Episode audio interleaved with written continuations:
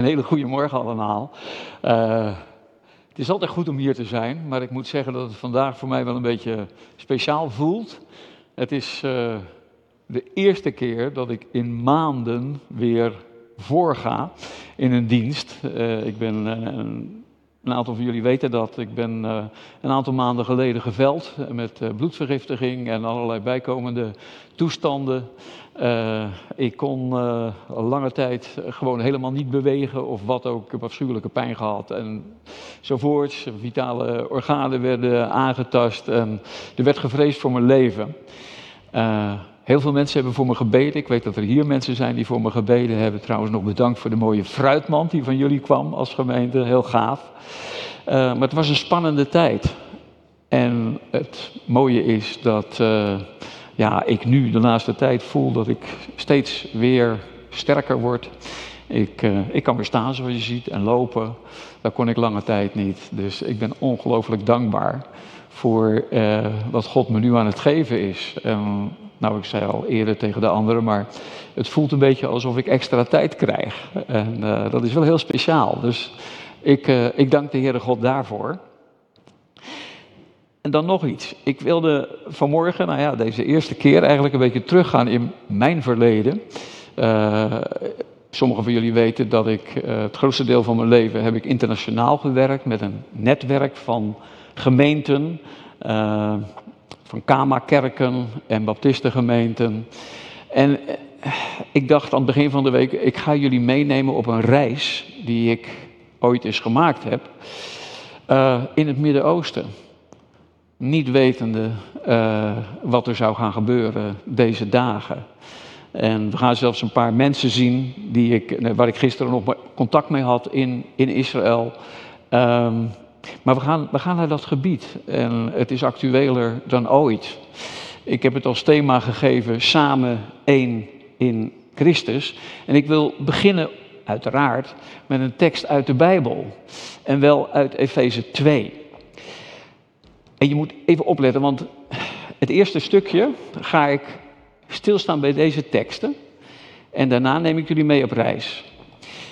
Maar dit stukje is best wel ingewikkeld maar let erop uh, dat het gaat over heidenen, joden.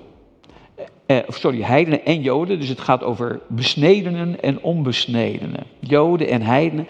En er is vijandschap. Nou, dat thema is actueel.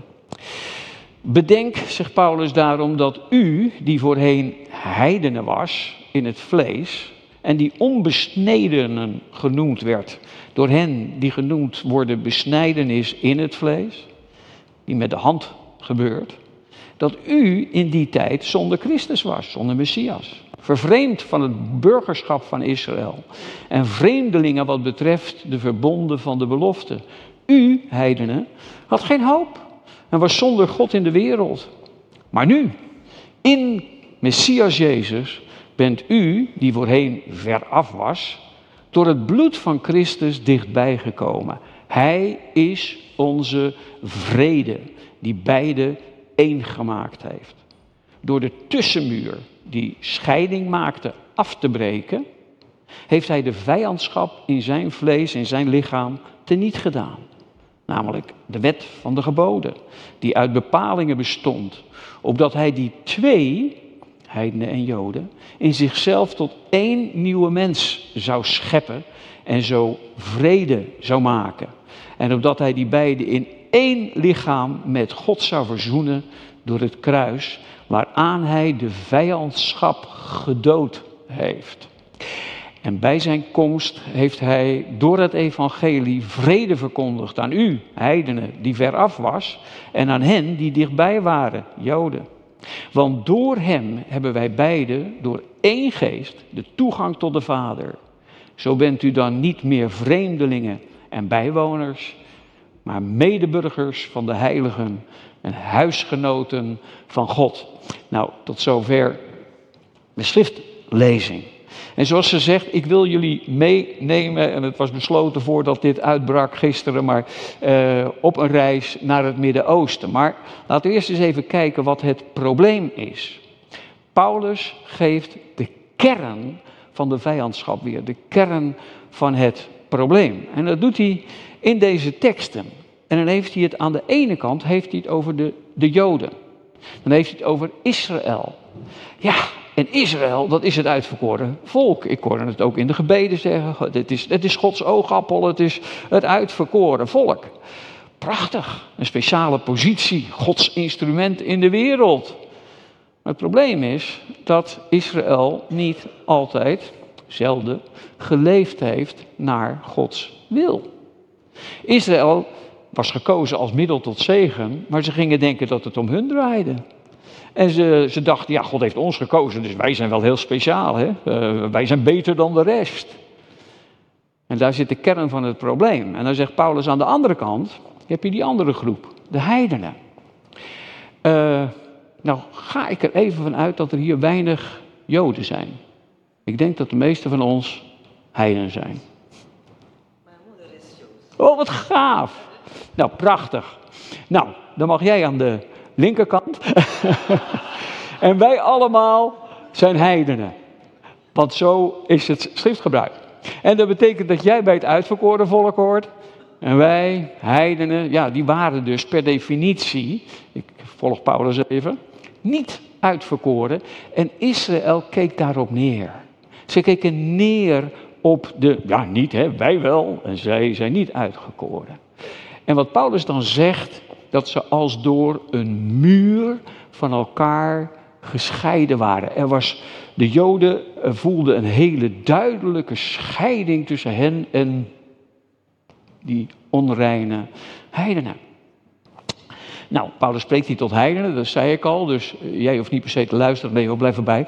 Uh, maar hij heeft het vooral tegen ons heidenen. En dan zegt hij dit.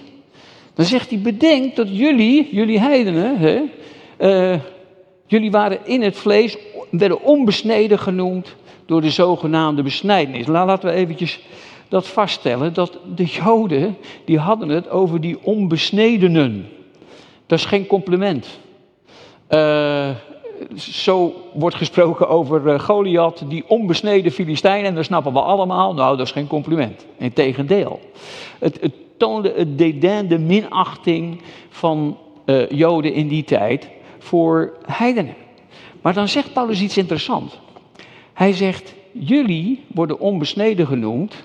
Nou ja, klopt ook, naar het lichaam ook zijn de meeste heidenen niet besneden.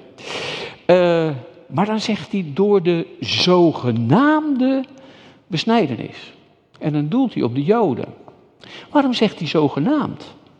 Want die Joden waren toch echt besneden? Ja, al die Joodse mannen waren echt besneden. Maar Paulus zegt, hij noemt ze hier zogenaamd besneden. En waar gaat dat op terug? Wel, omdat het Oude Testament heel duidelijk maakt dat die uiterlijke besnijdenis alleen maar een teken was van wat er in het hart moest gebeuren. Namelijk de besnijdenis van het hart. Dat was de kern. Je kunt het een beetje vergelijken met de doop. De doop op zich, nou die doet echt helemaal niks. Maar de doop is teken van het horen bij Jezus. Zo is ook de besnijdenis. En die, die duidt er juist op dat je hart recht moet zijn voor God. Anders getuigt die besnijdenis tegen je. Want je weet beter. Nou, zo zet Paulus dat neer. Maar dan zegt hij tegen die heidenen, jullie waren ja, zonder Christus. Hè? De Messias was Joods. Nou, jullie waren heidenen zonder, zonder de Messias. Eh, jullie hadden niet die, dat burgerschap wat Israël had. Jullie waren vreemdelingen wat betreft de verbonden. Hè? God had speciale verbonden met Israël. Jullie stonden er buiten. Uh, dus ja, er was voor jullie ook geen toekomst. Israël, prachtige belofte. Nou, de heidenen, ja, dat viel toch wel een beetje tegen. Jullie waren zonder God. Zonder Christus. Zonder God. Nou, een belabberde situatie, nietwaar, voor de heidenen. Maar Paulus tekent het nogal radicaal. Maar dan komt hij. Dan komt hij. En dan zegt hij dit.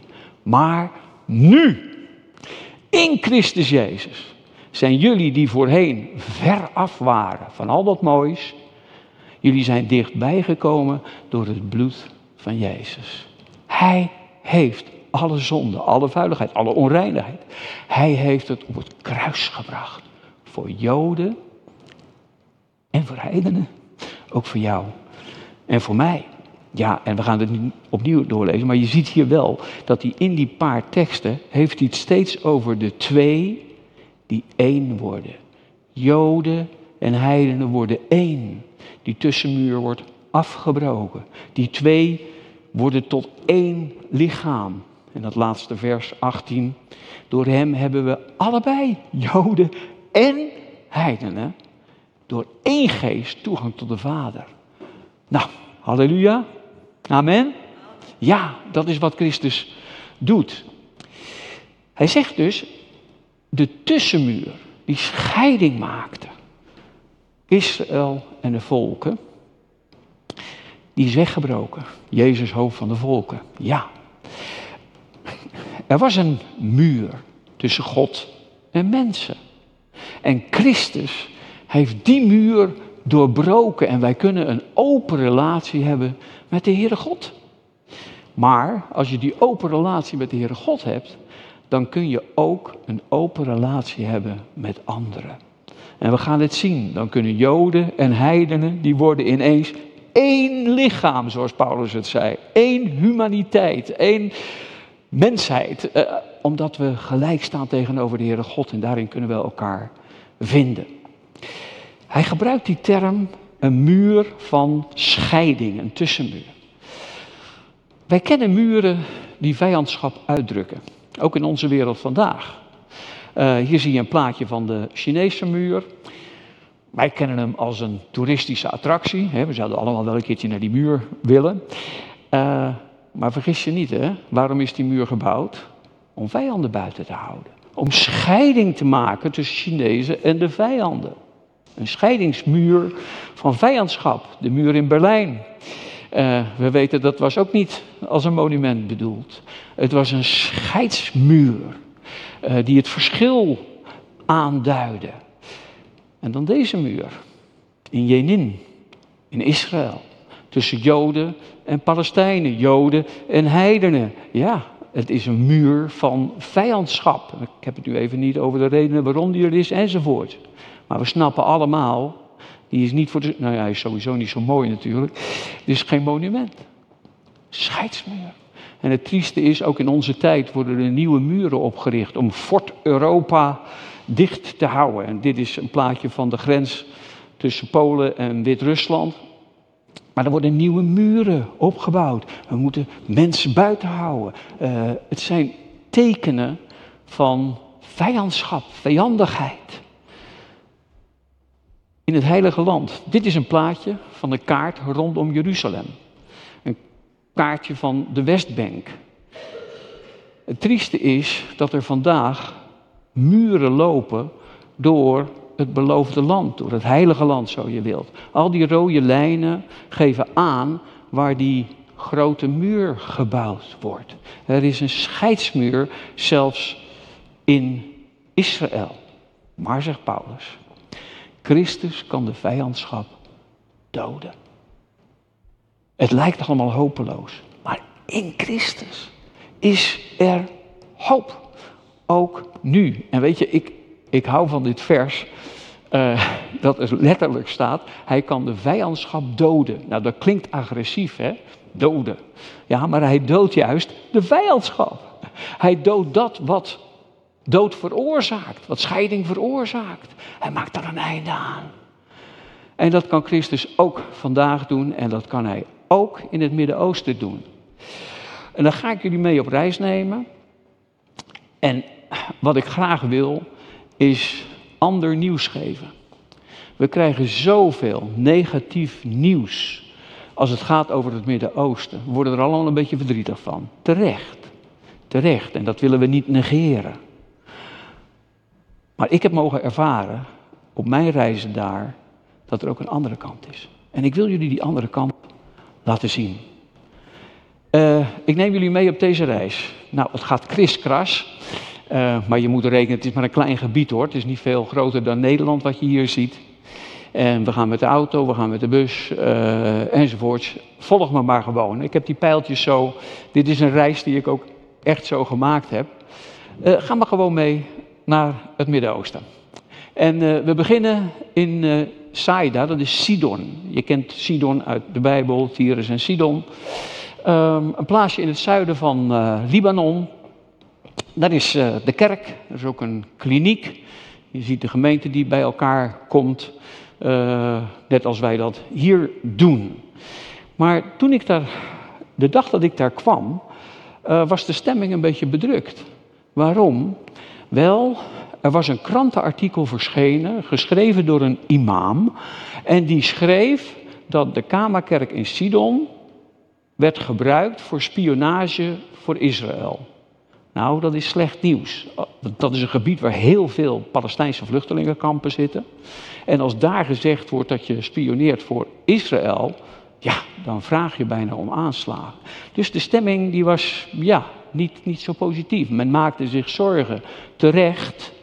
Want op een gegeven moment kwam Bonnie Witherall, een verpleegkundige, het hek open doen, s'morgens in de vroegte. En ze werd opgewacht door een terrorist en ze werd doodgeschoten. En ze heeft met haar leven betaald. Dat gebeurde in Sidon. En wij gaan door van Sidon naar Beirut, de hoofdstad jaren geleden een hele mooie stad. Maar als je er nu komt, dan zie je overal de tekenen van de oorlog. Dit is bij de Bijbelschool.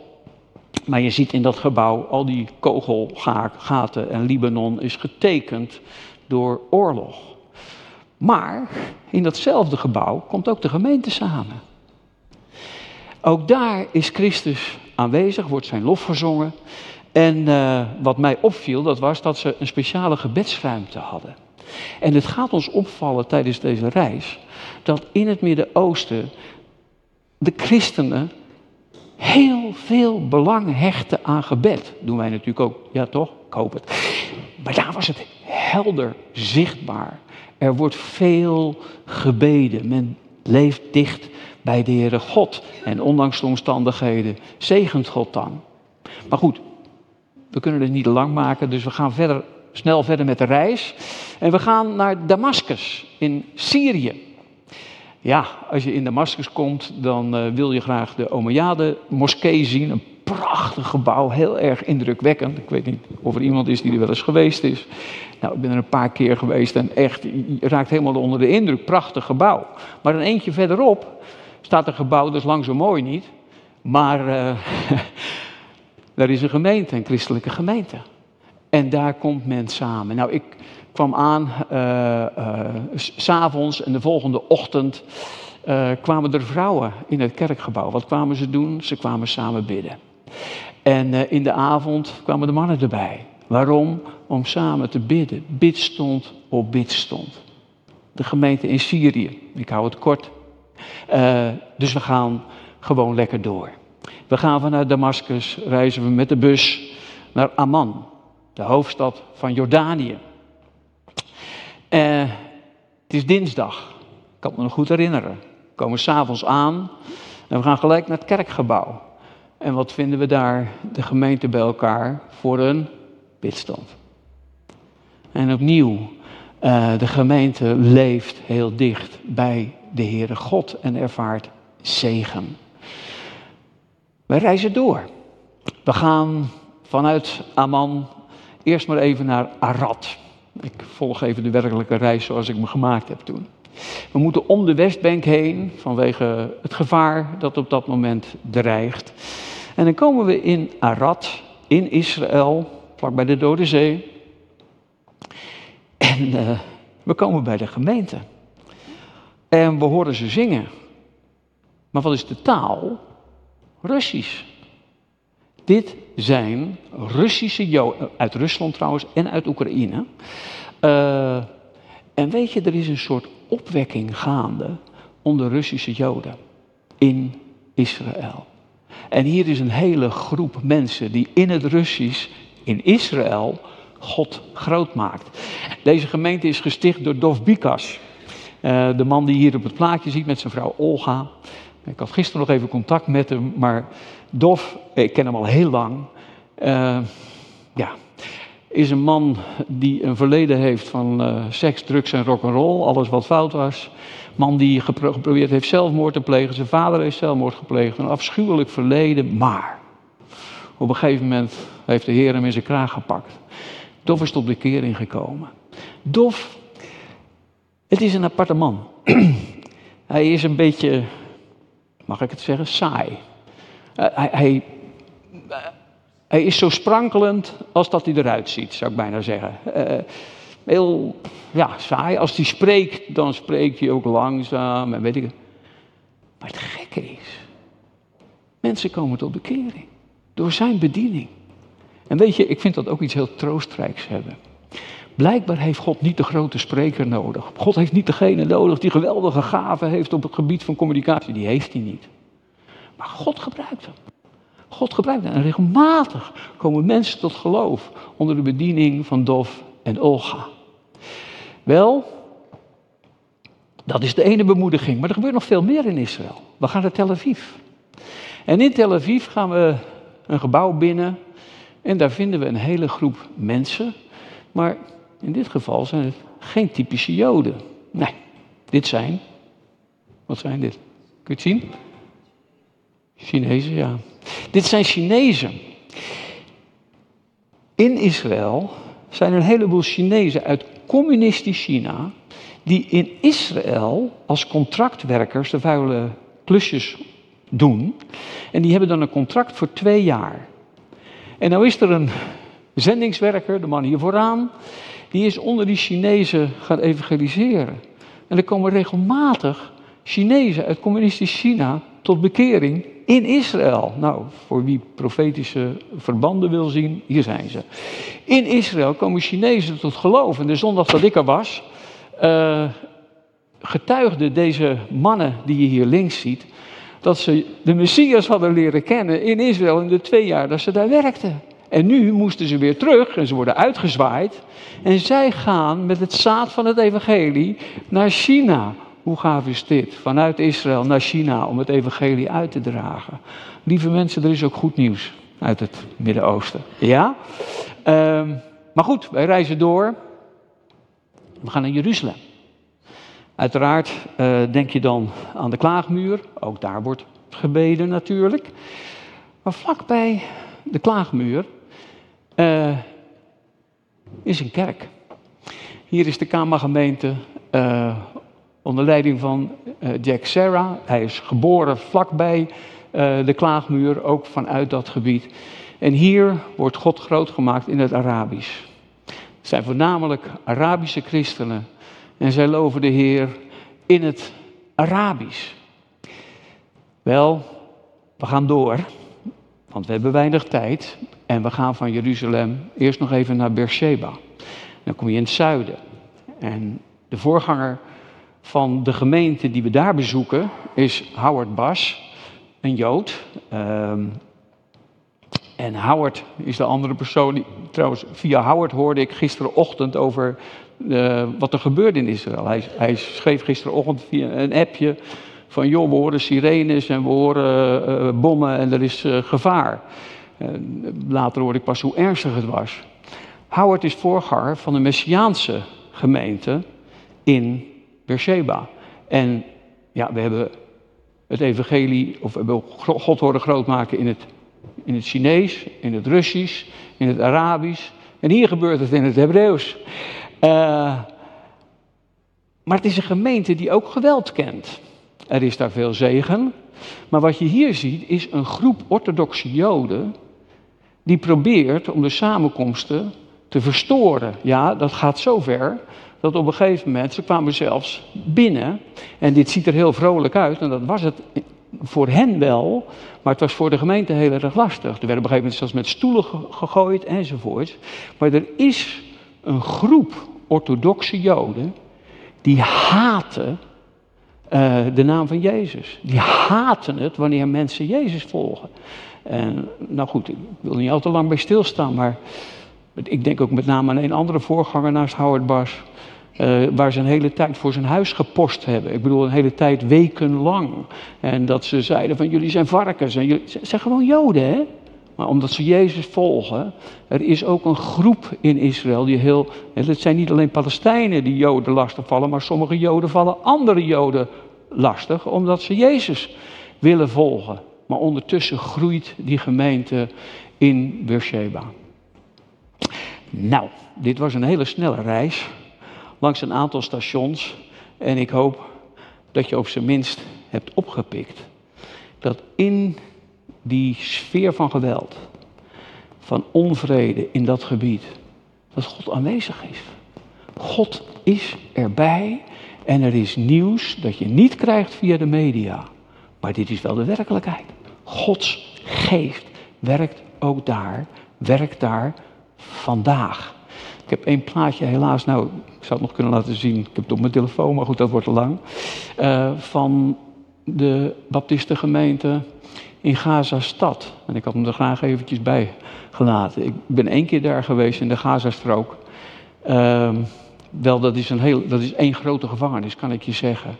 En uiteraard, wij hebben de neiging om nu allemaal Israël uh, te steunen en aan die kant te staan. En ik denk dat daar goede redenen voor zijn. Maar laten we niet vergeten dat er ook in Gaza, ook daar, zijn kleine gemeenten, zijn mensen die oprecht God zoeken.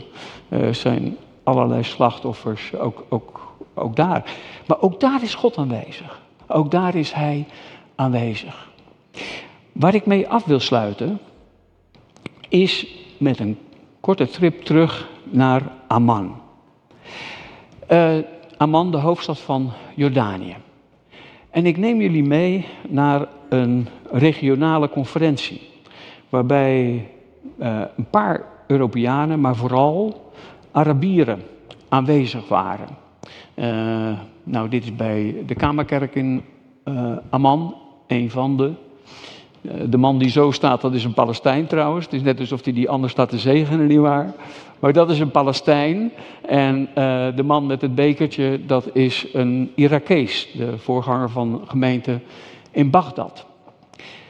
We hadden daar een paar dagen conferentie. En eh, nou, dit is een van de samenkomsten. En ik kon deze foto's nemen en ook het vervolg. Om, ik had de leiding over die, over die samenkomst. En onze eerste spreker was Farid. Farid Kouri was voorzitter van de gemeenten in Syrië. Ik zeg was, want hij is helaas omgekomen in een auto-ongeluk. Maar Farid die sprak als Syriër die ochtend. En uh, nou, ik heb Farid een aantal keren ontmoet. En ik moet je zeggen dat Farid, uh, ik beschouwde hem als een oude wijze broeder. Maar als hij het over Israël had, dan schuurde het. Want hij was ook een echte Syriër. En hij beschouwde Israël als de vijand. Israël, daar moest hij eigenlijk niks van hebben. Joden, dat waren degenen die vochten met Syrië. Syrië is nog altijd formeel in stand van oorlog met Israël. Dus Farid, Joden nee, dat, dat, Israël nee, nee, nee, nee, nee. Maar die ochtend gaf hij een prachtige boodschap. Hij sprak aan de hand van Galaten 2, vers 20, niet meer ik leef, maar Christus leeft in mij. En hij paste dat toe in de zin van Weet je, als christen leef je, maar eigenlijk moet je steeds minder worden. Net als Johannes de Doper, hè. Zodat Christus groot is in ons, zodat Christus in ons gezien wordt. Wij moeten ons vernederen, opdat Christus groot is. Nou, prachtige boodschap van onze Syrische broeder. Maar het interessante was dat direct na Farid sprak Howard Bas. We zagen hem eerder in Beersheba. Leider van de Messiaanse gemeente. Jood. Hij was de enige Jood in het hele gezelschap van voornamelijk Arabieren. Enige Jood. Andere Joden hadden we uitgenodigd, die konden op dat moment de grens niet over. Uh, hij was de enige Jood. En Howard begon te spreken. En zijn eerste zin was dit. Beste broeders en zusters, God heeft een bijzondere band met Israël. Ik wist dat dat een beetje pijn deed bij sommige van de Arabische broeders. Uh, en hij ging door. Hij zei, en weet je, die band die God heeft met Israël, die wordt al in het Oude Testament wordt die gepresenteerd. En die bijzondere band met Israël, met ons Joden, die wordt ook in het Nieuwe Testament, wordt die lijn doorgetrokken. En ik werd eerlijk gezegd een beetje zenuwachtig. Want het was uh, juist ook op een moment dat er volop, uh, nou ja, hoe, hoe, zeg je dat, spanning was. En ik wist Farid en er waren nog een aantal Syrische voorgangers. En, en hier zat deze Jood, als enige Jood. Ja, ik had beide de neiging om te zeggen van Howard, uh, het is genoeg, weet je wel, dit is gevaarlijk. Maar toen, toen zei hij iets zeer opmerkelijks. Toen zei hij dit. Hij zegt, ik geloof met heel mijn hart dat God een bijzondere band heeft met Israël. Maar weten jullie waarom God Israël heeft uitverkoren? En toen gaf hij zelf het antwoord. En hij gaf het, gaf het antwoord met, met de profeet Jezaja. Jezaja 46. Hij zegt, God koos Israël uit om een licht te zijn voor de volken. Wij werden uitgekozen om een licht te zijn voor de volken.